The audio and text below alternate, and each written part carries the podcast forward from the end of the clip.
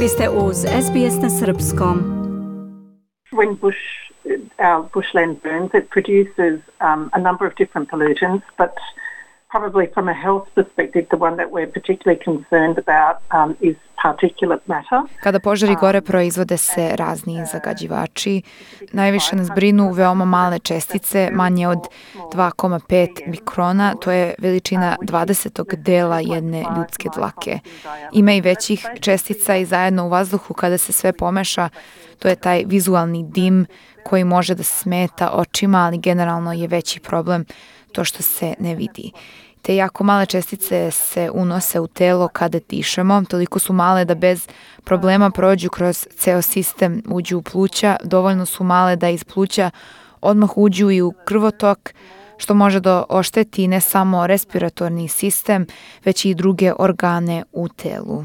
So, from a health perspective, pollution is, is quite serious. If it's entering the bloodstream and sort of causing irritation in the short term, what are the long term consequences of exposure? I mean, we've had a sort of a month of haze now. If this continues, what is the population looking at experience in the coming years, even?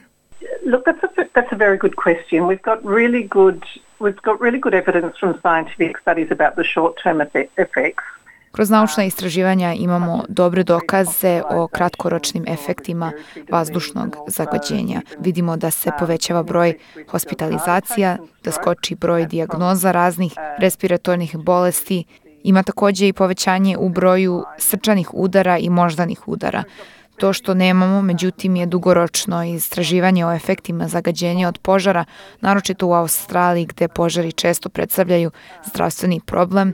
Skoro svakog leta jedan deo Australije prođe kroz ovo, Znamo da je ove godine situacija dosta ozbiljnija, očekuje se loš kvalitet vazduha i celog decembra, čak i sledeće godine, ako se požari ne ugase uskoro.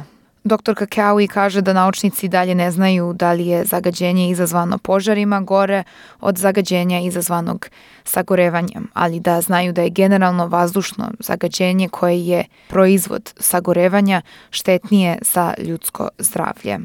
something that um, governments and researchers are uh, trying to determine, in other, in other words, whether there's one source that's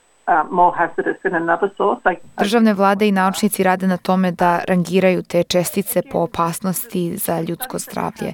I dalje nemamo pouzane rezultate. Imam dovoljno dokaza da znamo da je zagađenje izazvano sagorevanjem gore od prašine u vetru ili od soli u vazduhu, što je slučaj bliže obalama u Australiji. Definitivno zagađenje bilo kog sagorevanja, transporta i saobraćaja je štetno za ljudsko zdravlje. Ali ne znamo kada se poredi samo ta kategorija šta je gore, da li požar ili automobili.